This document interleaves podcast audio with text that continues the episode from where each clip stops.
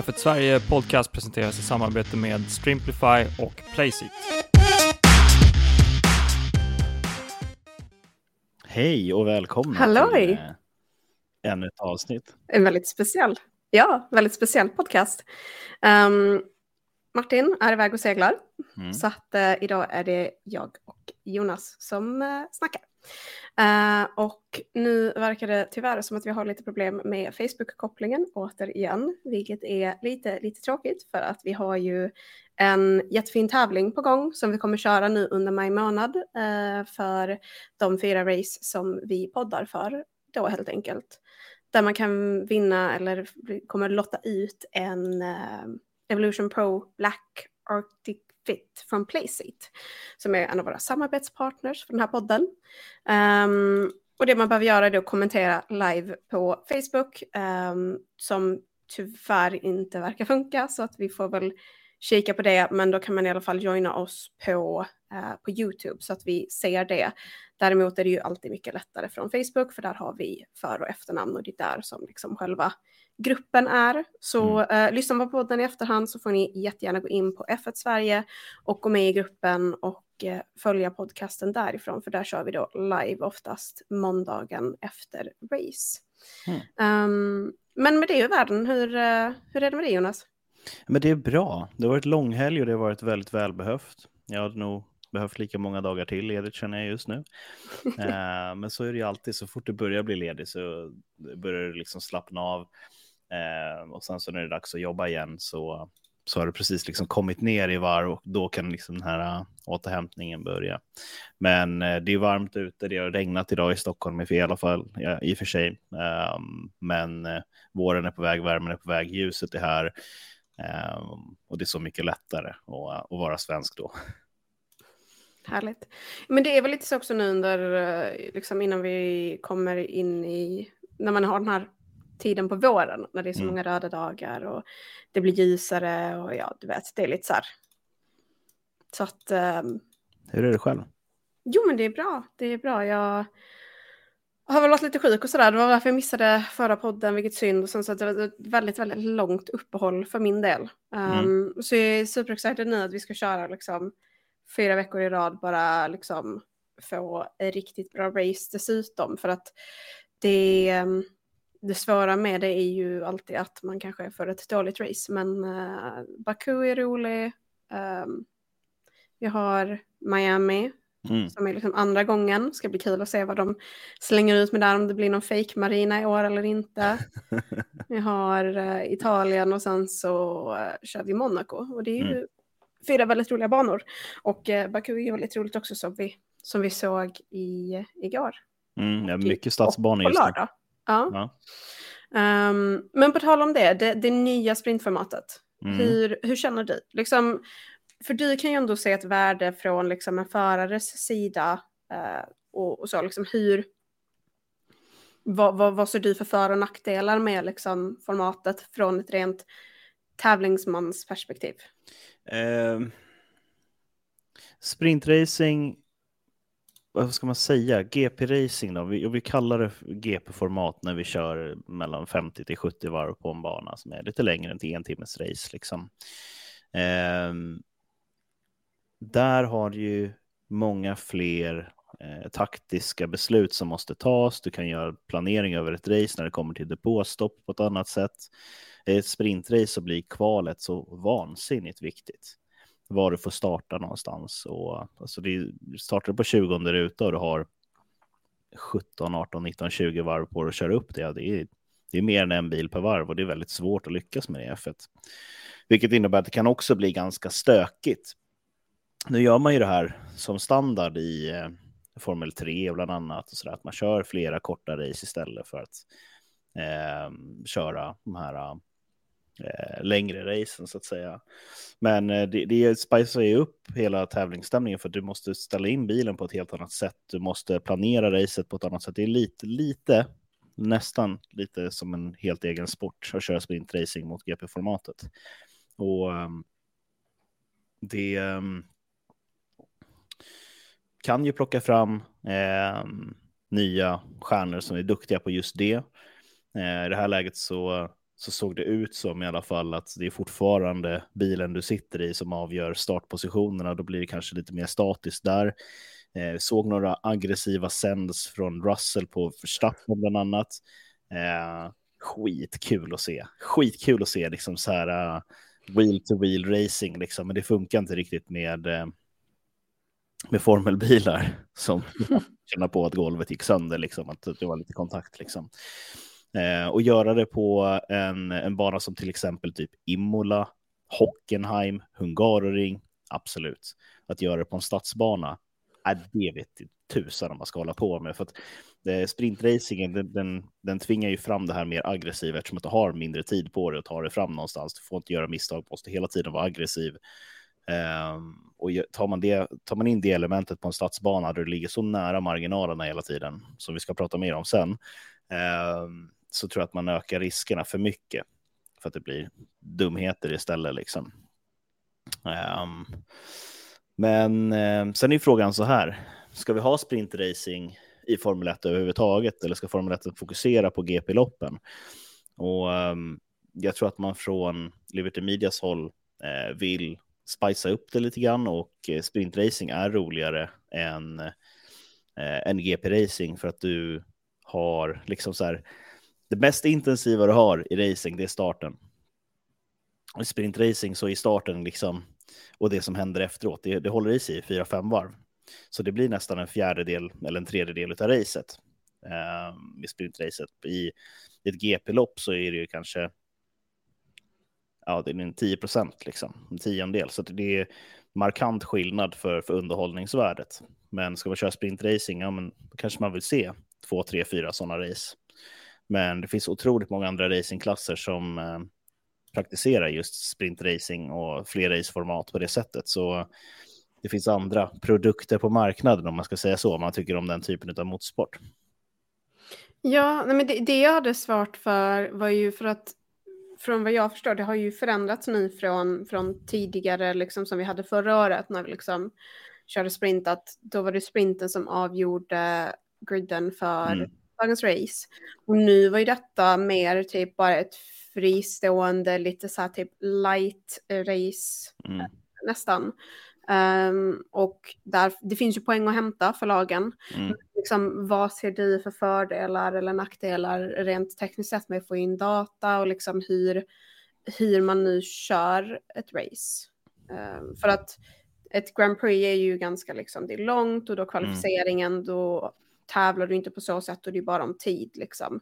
På ett sprint då tävlar du om placering.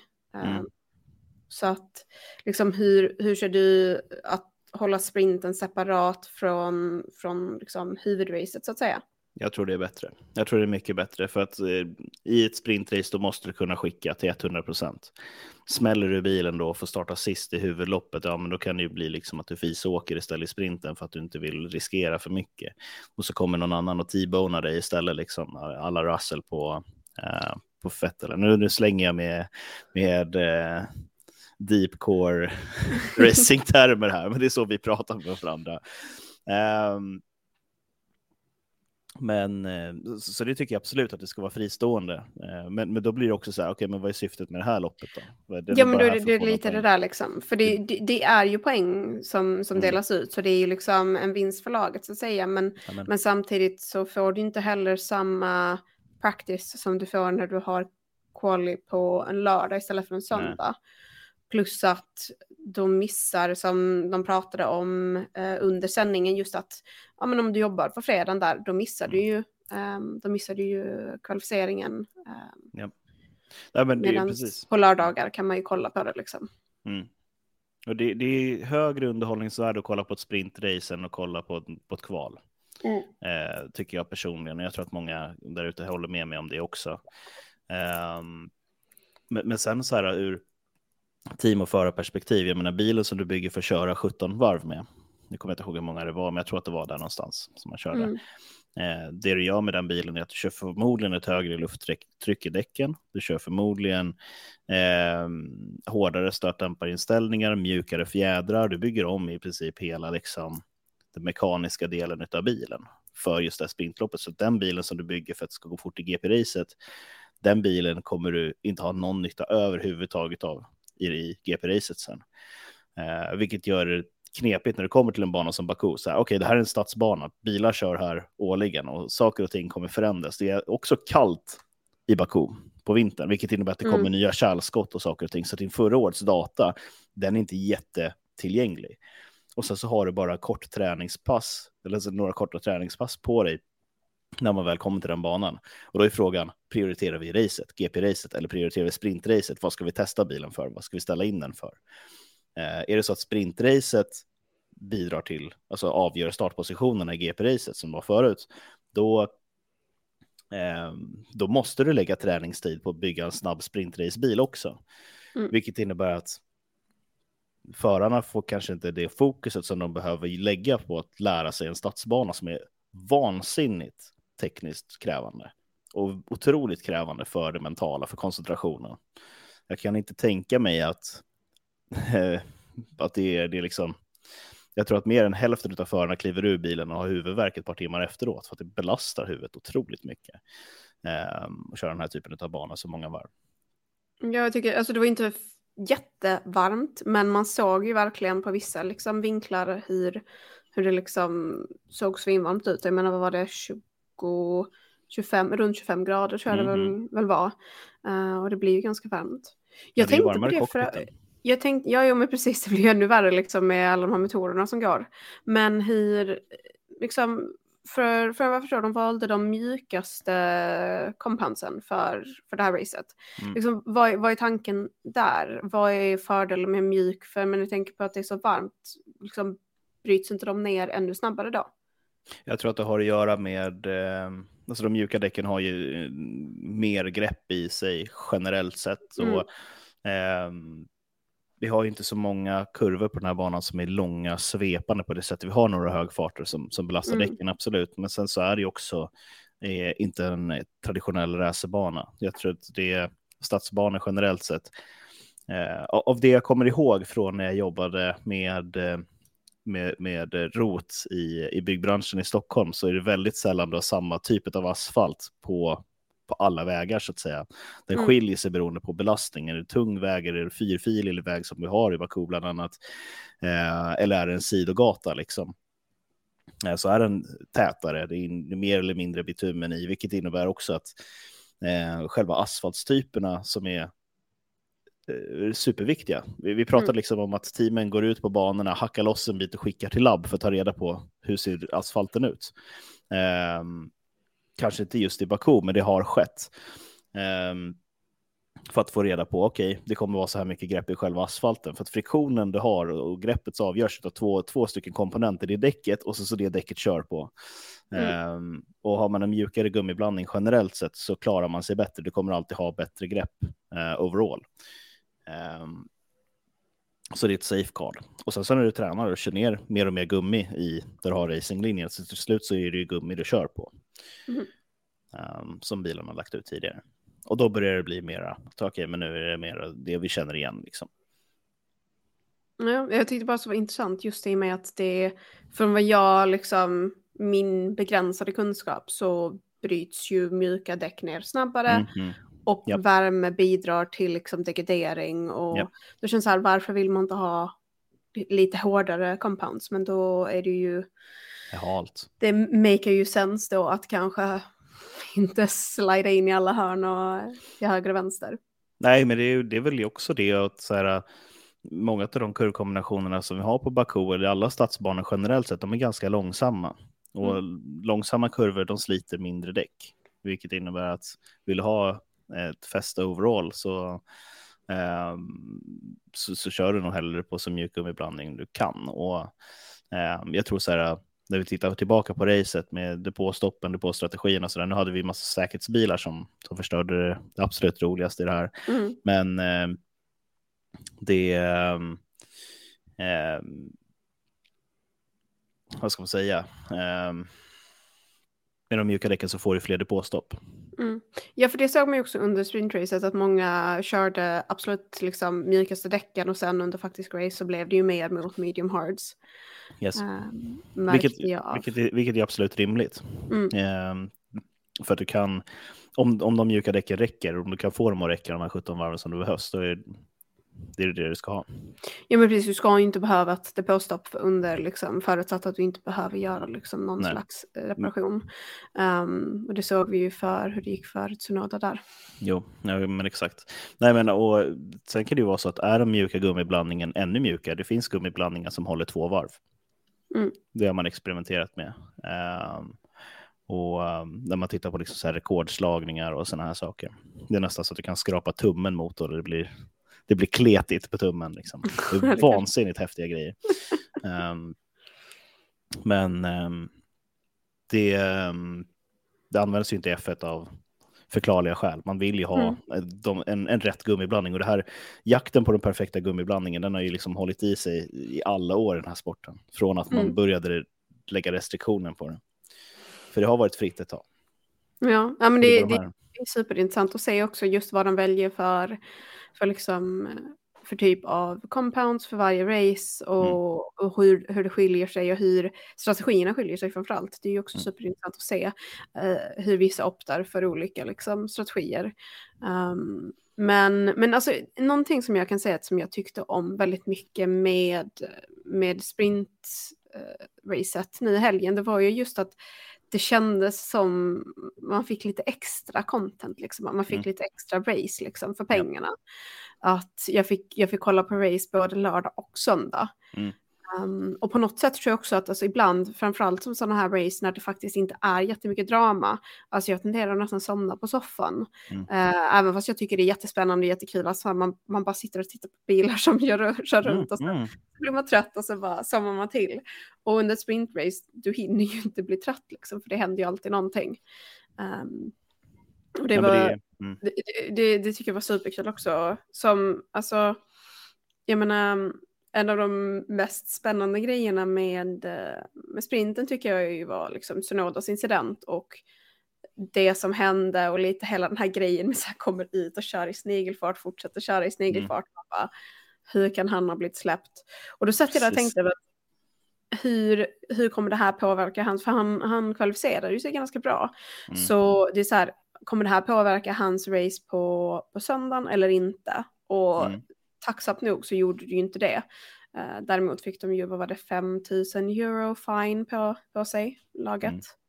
Ehm, men i övrigt, så att det var, det är också så lite kul att se att det är sådana saker som, som händer och att det inte förstör hela liksom, helgen.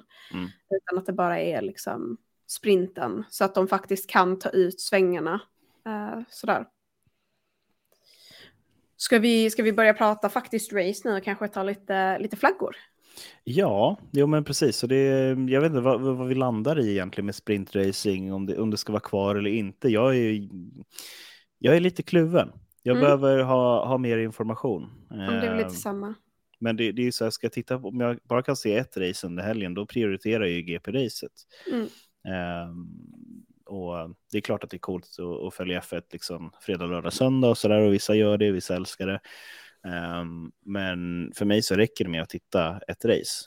Mm. Ehm, och då komplicerar det saker när det är liksom, när jag måste bocka av både min lördag och min söndag för att kolla på F1. Ehm, Fast det är ju oftast dagtid, så att förhoppningsvis, Ja. förutom om, som Miami som kommer ske halv tio på kvällen vår tid. Mm, mm. Vilket funkar lättare för mig för att jag menar vi ska sjösätta båt snart och då måste man förbereda den. Det gör man på dagen. Det Martin är ju redan i sjön, vi ligger ju Det är efter. Martin som ska ut och segla så mycket. Det är så här, Nej, här, inte här, här kollar vi på motorbåt. F1. Ja, nej men skämt åsido och sådär. Men det, eh, för sportens skull så, så komplicerar det ju saker och det, Mm. gör man sprintracingen till en större del av säsongen, ja men då måste man nog börja fundera ut det där. Det, Ja. Ja, för just nu känns det ju mer som någon så här lite inslag av krydda för att liksom spice upp det lite då och Mm. då. Liksom. Ehm, jag tror definitivt inte att sprintracet, sprintracet känns inte som ett koncept som kommer att hålla för liksom, alltså om man skulle ha det varje race. Men jag tror ändå att det är någonting som kan få leva vidare några gånger per år, Mhm. tycker jag. Nej, men det, det går ju att titta på, på andra motorsporter och, och se liksom hur gör man där. Uh, Nascar ligger ju nära hjärtat för mig liksom och där kör man ju eh, liksom 200 miles race och du kör 600 miles race och det är liksom, det varierar väldigt mycket liksom längd och storlek och liksom beroende på bana och liksom sådana saker. Um, och titta på Indycar. Liksom. Du kör road courses, du kör stadsbanor, du kör ovaler. Um, och man leker väldigt mycket med de olika formaten och det ger, alltså för mig så skulle jag säga att Indycar är ju otroligt levande på det sättet.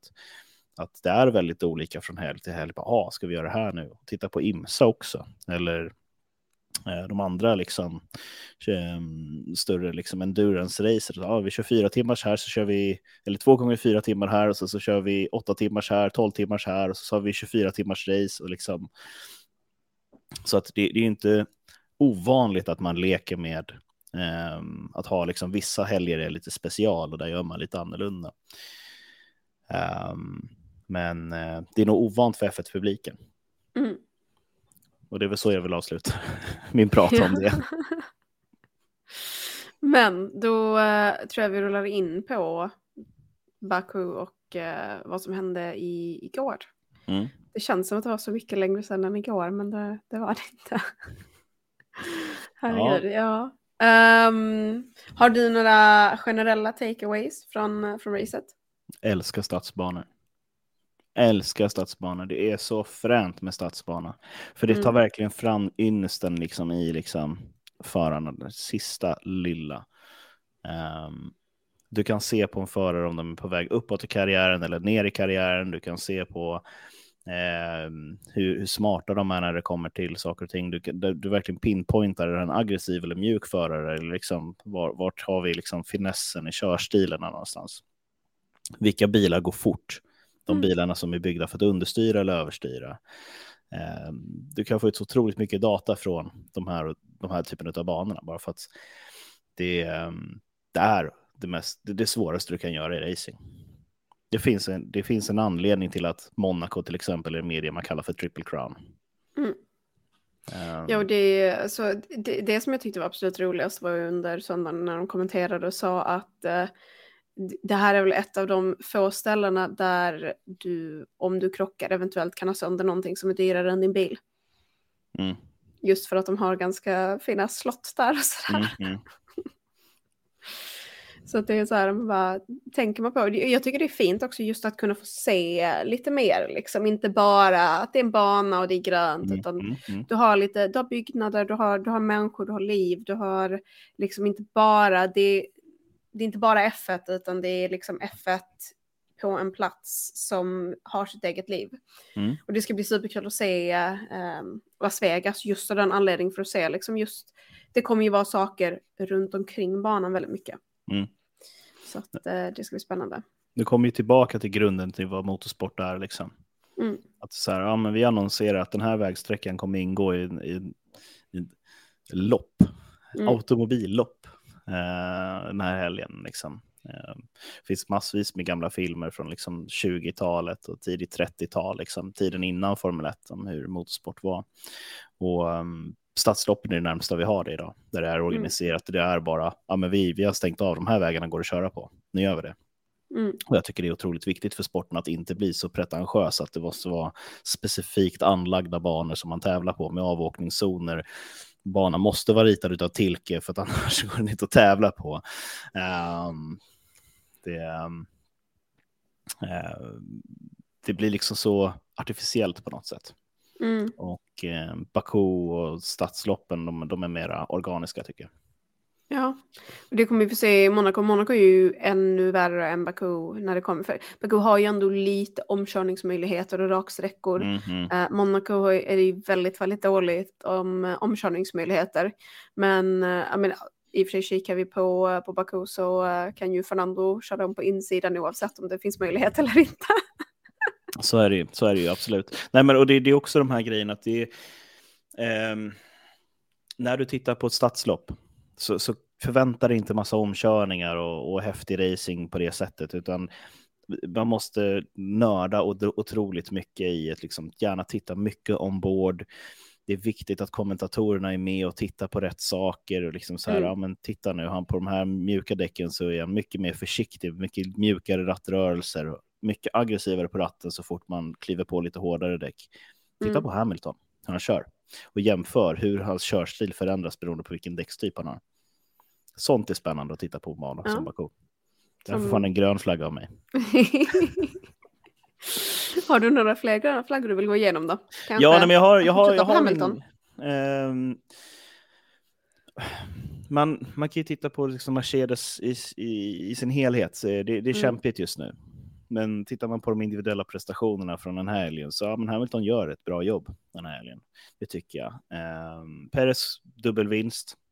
Såklart Mm. han ska ha en grön flagga för det. Mm. Ehm, Helmet cam tycker jag är coolt. I synnerhet på den här banan när man ser hur mycket det skakar och huvudet flyger och far. Liksom. Mm. Försöka hitta de här punkterna så man får sina Men referenser. är, är det underlaget eller? ja, Som, som gör det? ja, på en sån här bana skulle jag säga att det är Mm. det. Vi har ju pratat om att det kan vara liksom aerodynamiska effekter som får bilen att bete sig som det tidigare. Men Mm. eh, här är nog största risken att man inte har perfekta banor i Azerbajdzjan. Liksom perfekta vägar liksom. Um, Stroll. Har en grön flagga av mig. Jo, jag tror att det här är, det här är väl en eh, diskussions... Nej, men han, han, han håller i princip jämn takt med, det gör han inte riktigt med Alonso. Men, Mm. ehm, men just de här grejerna man tittar på eh, körstilen liksom. Mm. Ehm, jag får lite Monaco 2006, Fernando Alonso i, i Renault-vibes när jag tittar på, på hur han får fram bilen. Det här är Mm. väldigt fina ord att ge till, till Stroll.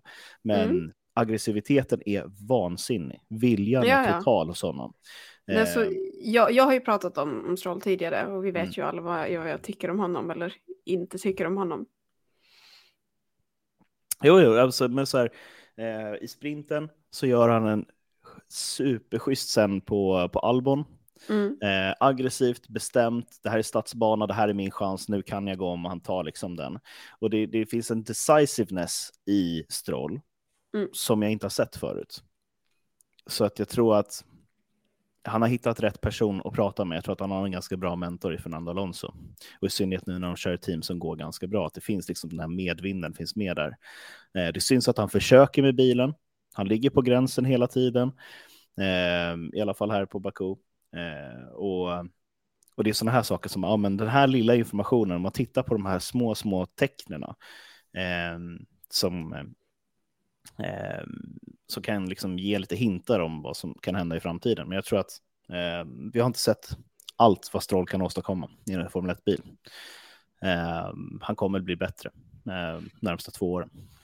Ja, alltså jag hade den diskussionen häromdagen faktiskt, just det här med att han är ju, han har ju lite fått sin F1, sitt F1-säte liksom levererat på en silversked. Mhm. Men samtidigt hade han inte varit där och varit kvar om han inte had, hade haft talangen. Mm. Däremot så, jag har inte slängt någon flagga mot Stroll, men jag tänkte att vi kunde diskutera incidenten med eh, Stroll och Russell på pitlane entry. Mhm. Om det är någonting, har du kollat upp någonting mer om det annat än att Nej, se på racet? nej. För alltså, vid, vid första anblick när jag, när jag såg det så tyckte jag det såg jäkligt så här, men eh, hur ska man säga, aggressivt och liksom felaktigt gjort av Russell. Och sen så, för att just att han kör ju liksom om i pitlane och det är så här, det får man ju inte göra. Ehm, men sen såg jag också beslutet med att det var så här, vi har inga kommentarer från, från stewards. nej. Och då kollade jag i efterhand och såg, liksom, då har ju Stroll kört någon så här riktigt ofin omkörning. Ehm, och liksom sen också saktat in eh, och kört alldeles för långsamt, antagligen just för att de skulle double-stacka med, med Alonso. Mm. Ehm, så att liksom, jag är lite kluven för att jag tycker att det var jäkligt osportsmannamässigt av Stroll att köra en sån move. Men jag tycker också att liksom George kör i en pitlane där du har mekaniker Mm. och Mm. ingenjörer som springer runt och det finns inte, det, det är en sing, liksom enkel fil.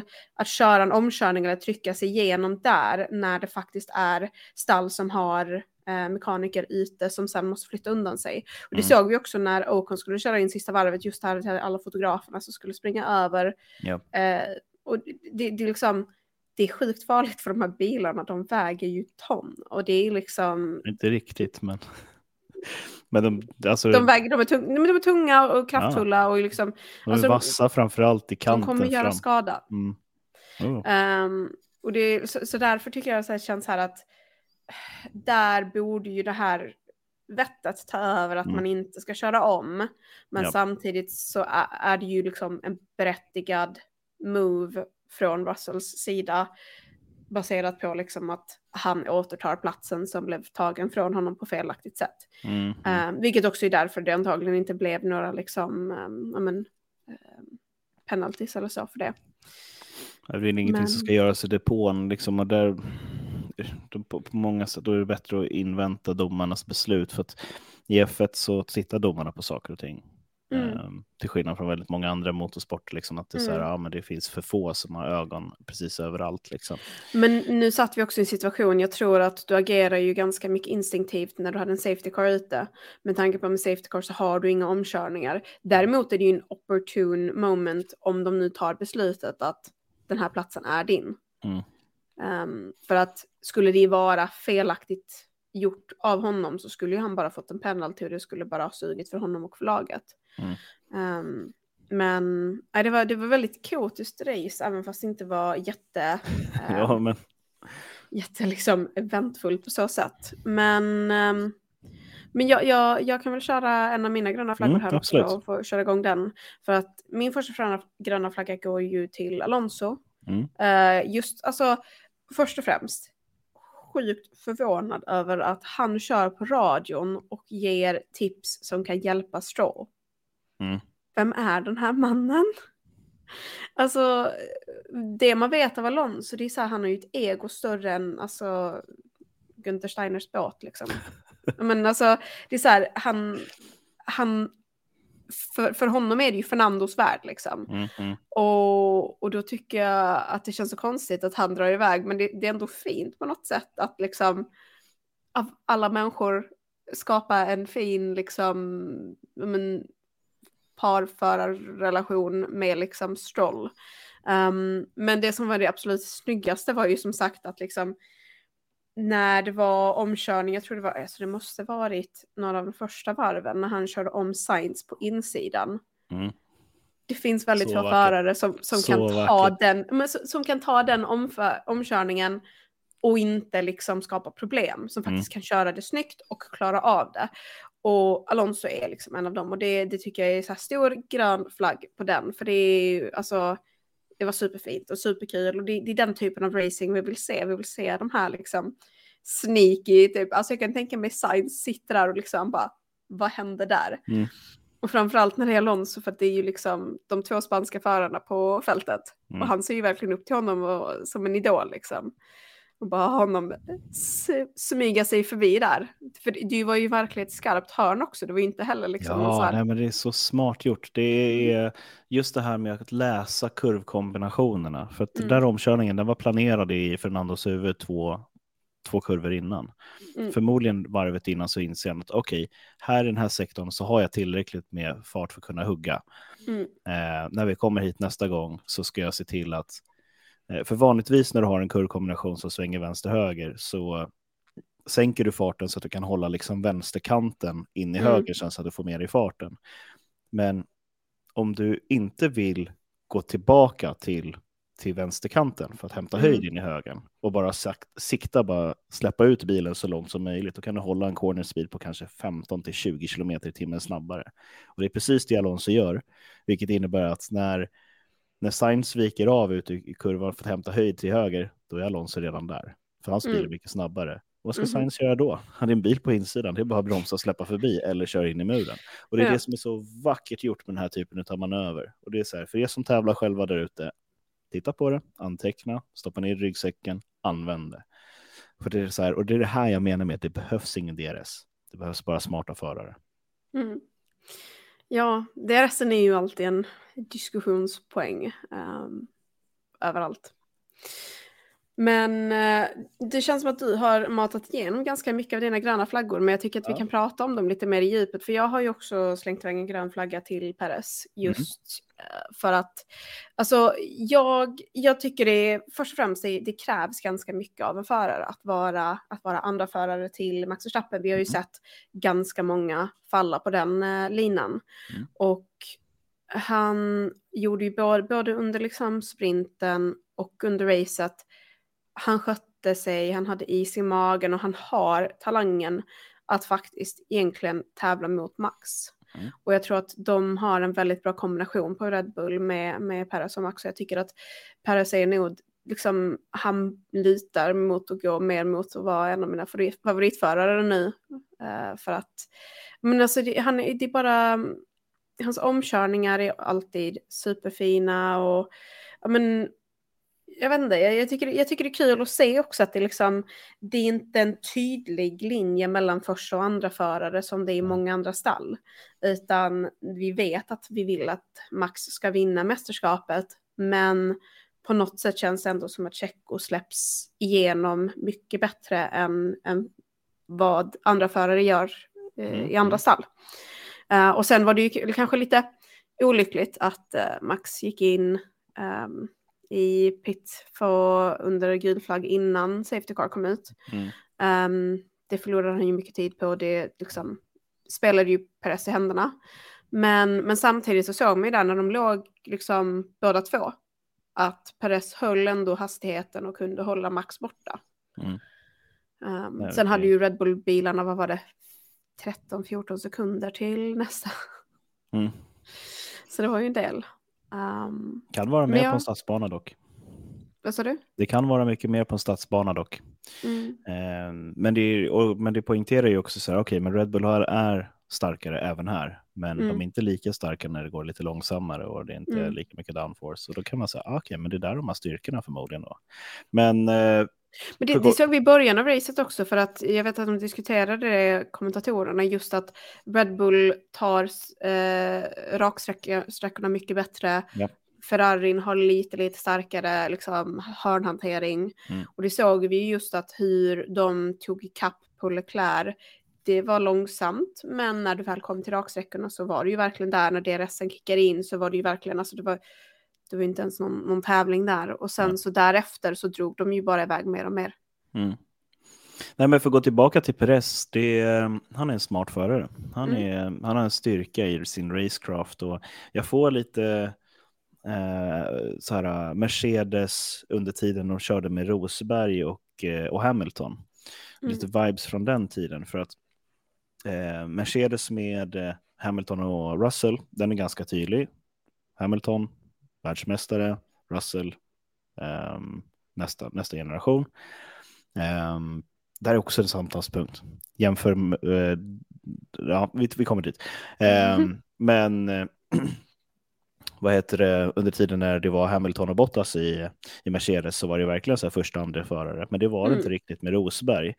Ehm, som man kan se, liksom, den tiden, det, det, var, det var riktigt fränt faktiskt att se de här två teamkollegorna bara racea skiten ur varandra varje Mm. helg.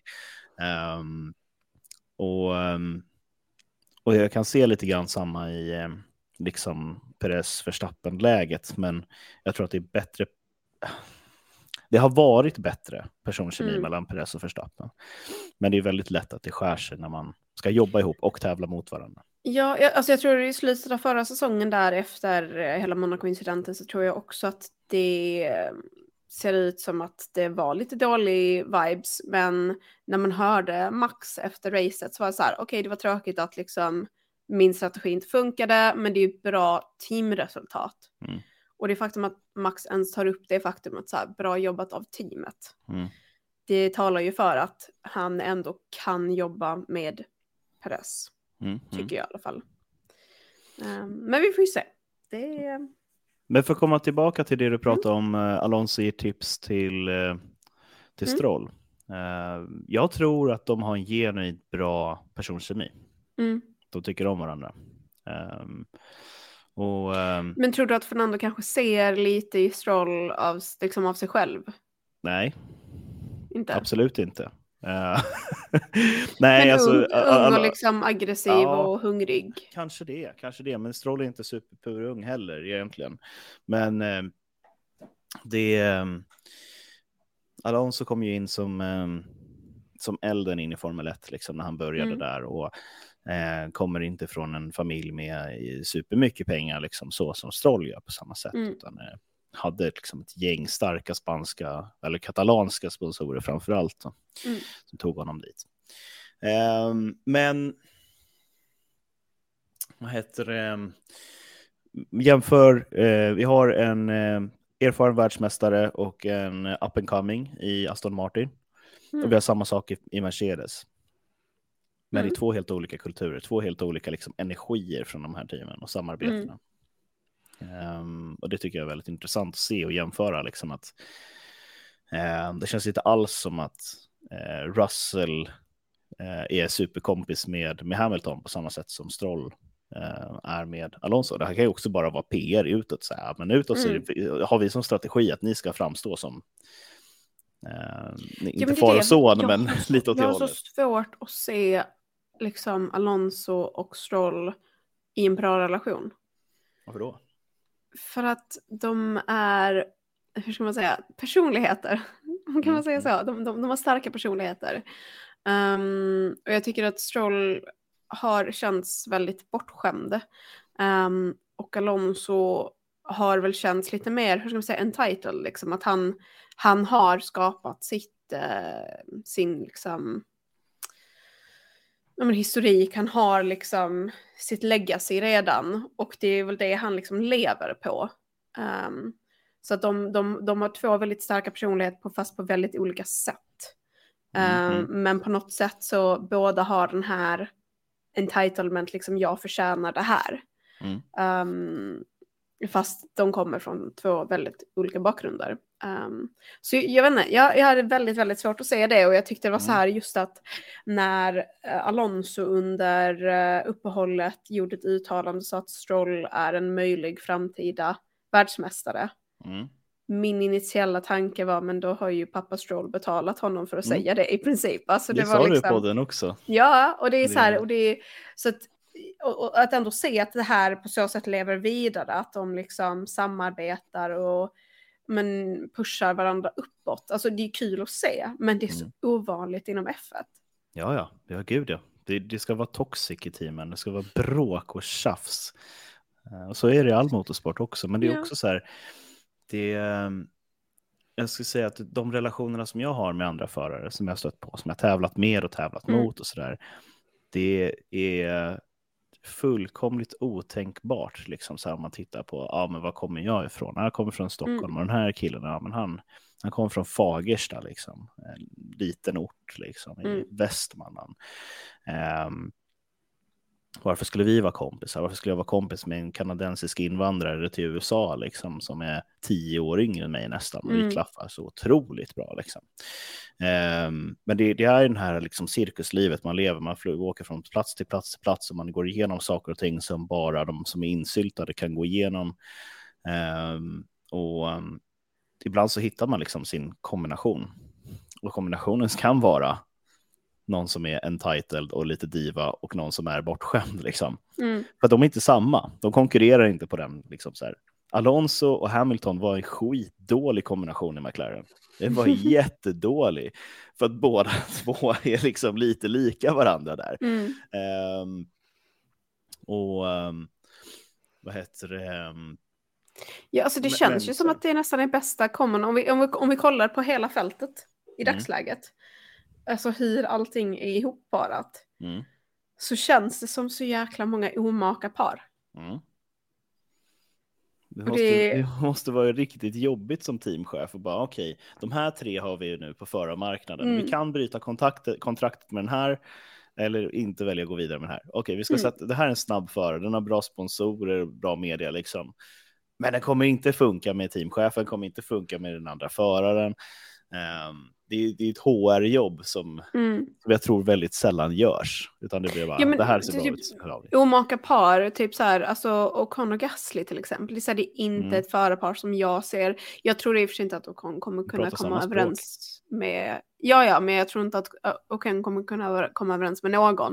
Nej. Men det trodde jag inte heller om Stroll. Så att eh, det är väl, alltså, de kanske får liksom bara ta det ibland och faktiskt sköta sig. Men jag tycker De Vries och Tsunoda till exempel, är så här, Tsunoda är ung och hungrig, De Vries också.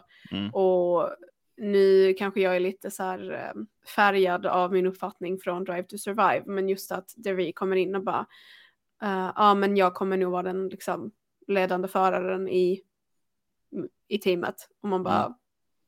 han har eh, två säsonger över dig. Jag tror att ta, ta det lite lugnt med vad du säger. Framförallt också nu hur han har, hur han har levererat.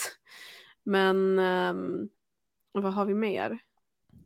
Nej, men för, för att gå tillbaka så här, vi, Mm. vi måste vara försiktiga med liksom så här att ja, men, ehm, Alonso är lite divig eller liksom entitled och eh, Stroll Mm. är, är bortskämd. Liksom. Det är epitet som fans och media kanske lägger på de här två förarna. Mm.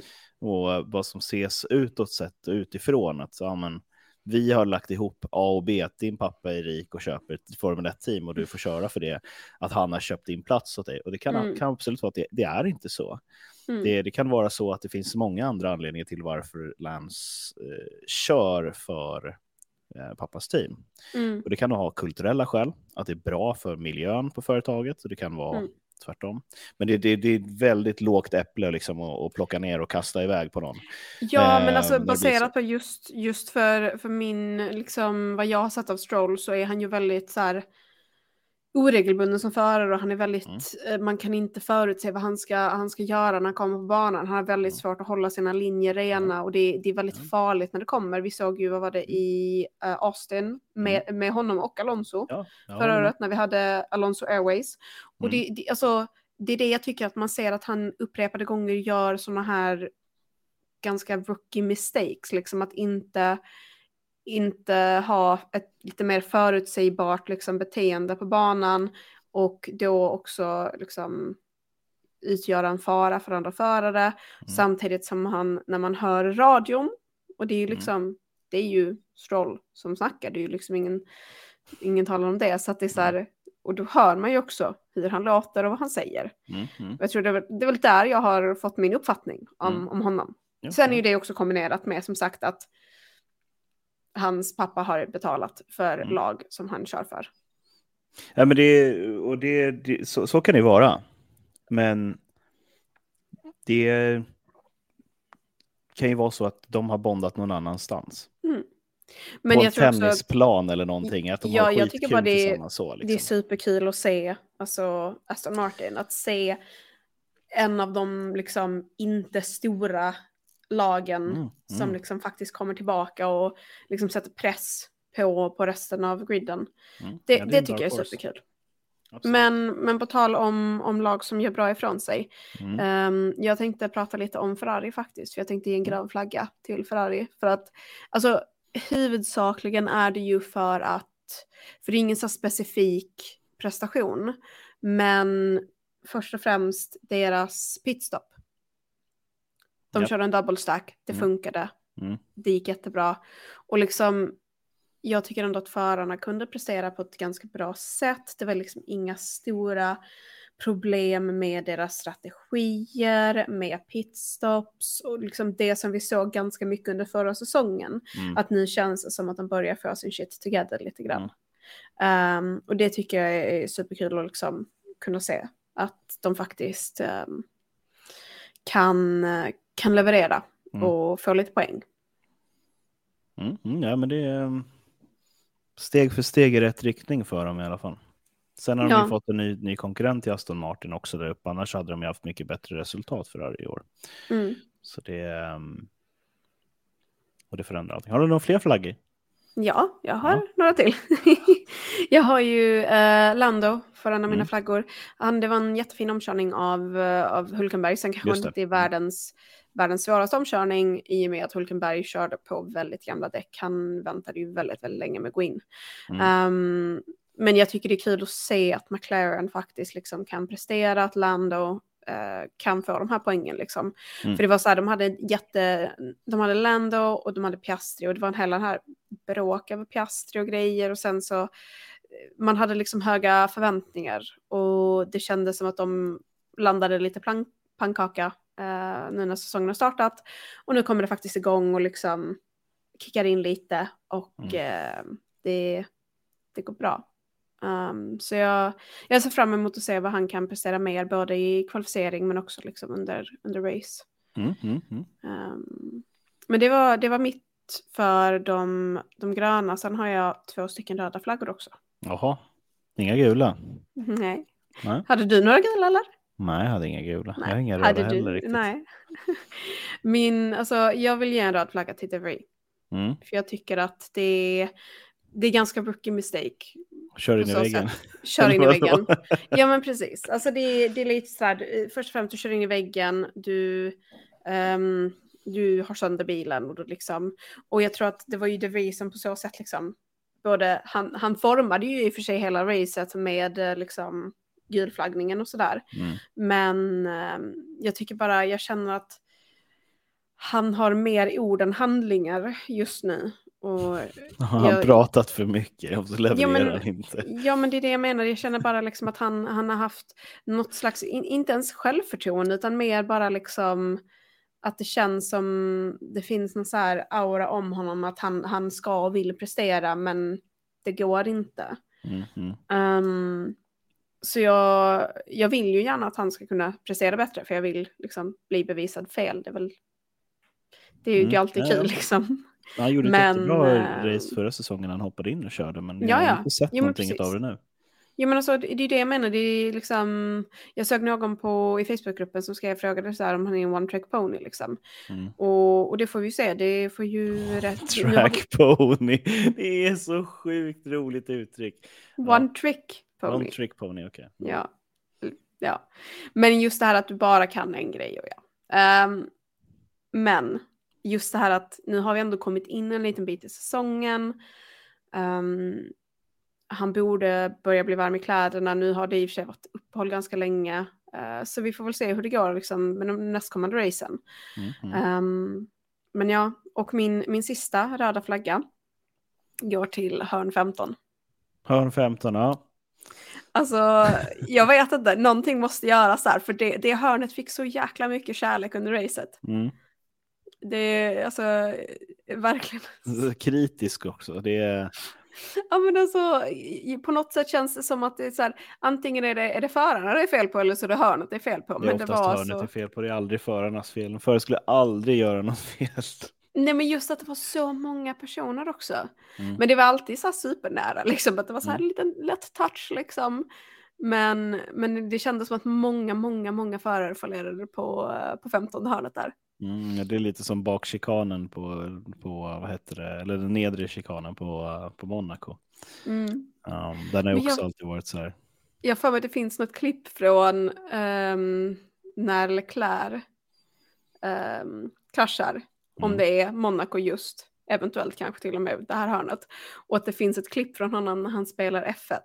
Mm, det är samma sak. Online, och det är samma hörn och han krockar igen.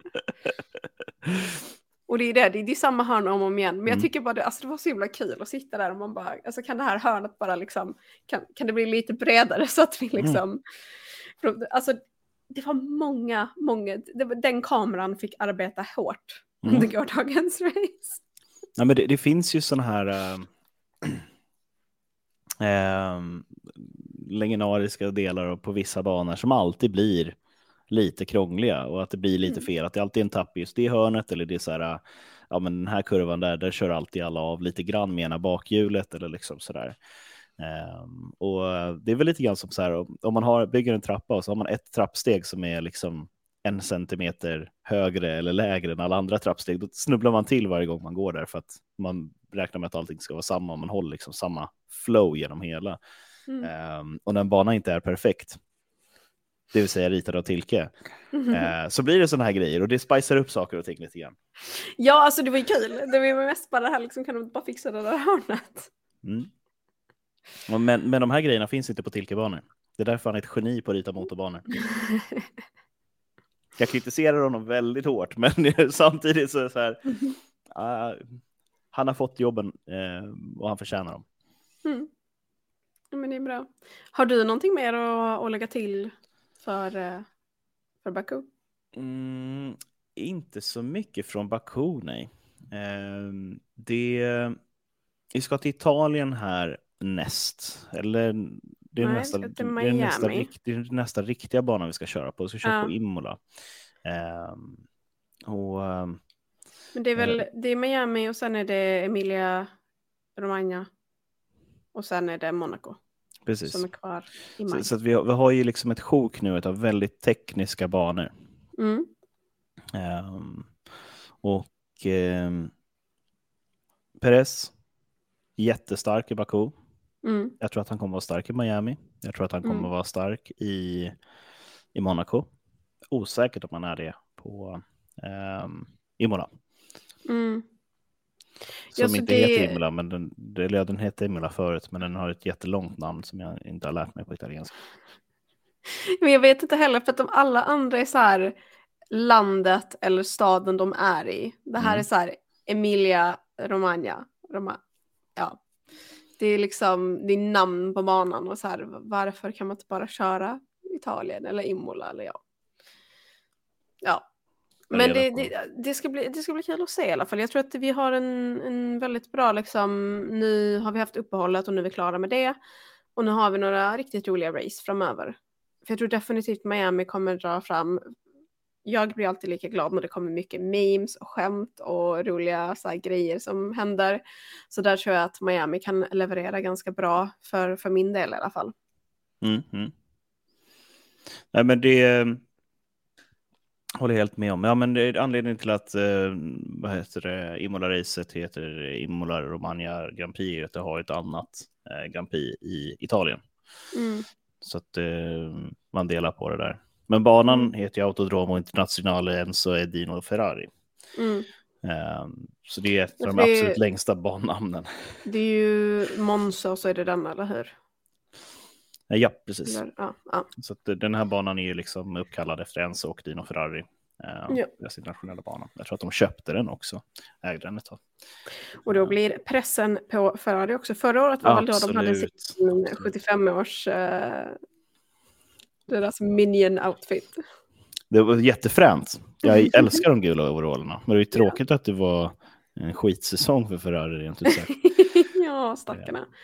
Men nu Men- förhoppningsvis går det väl bättre. Vad har vi att säga om Miami? Um, alltså Miami, det ska ju bli spännande att se helt enkelt vad de gör. För att jag tror att just med, med am- de amerikanska banorna så blir det ju oftast ett spektakel och cirkus Mm. eh, runt omkring. Så att där tror jag definitivt att det kan bli någonting bra. Mm.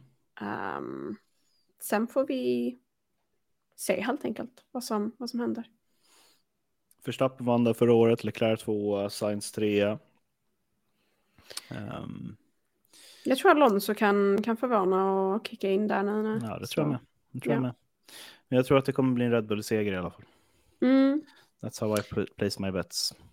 Ja, sen är frågan nu, för nu har vi också ett Mercedes som är lite, lite starkare än de var där förra året också. Mm, mm. Så äh, det ska bli spännande fight. Vi har så många lag som liksom, hur ska man säga, tävlar om, om vinst. Ehm, så att, äh, ja. Har vi en bra säsong, Rebecka? Men jag tycker det än så länge i Ja. alla fall. Jag tycker det också. För jag tycker det är definitivt väldigt mycket färre DNF-er än, alltså Mm. på grund av liksom ehm, tekniska fel. Mm, mm. Så ja, det är ingen det- liksom. Det känns lovande.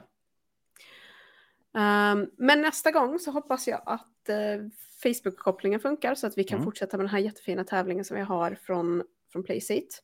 Eh, men om inte annat så eh, om ni inte är med i Facebookgruppen F1 Sverige så gå med i den.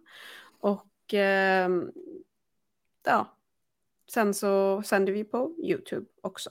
Mm, mm. Ehm, jag vet inte om det är någonting mer vi vill lägga till. Det, Nej, Martin brukar ha så bra koll. Ja, han har ju stenkoll på, på är saker ju- och ting. Men han nu är är han tillbaka nästa vecka. Nu åker han båtar.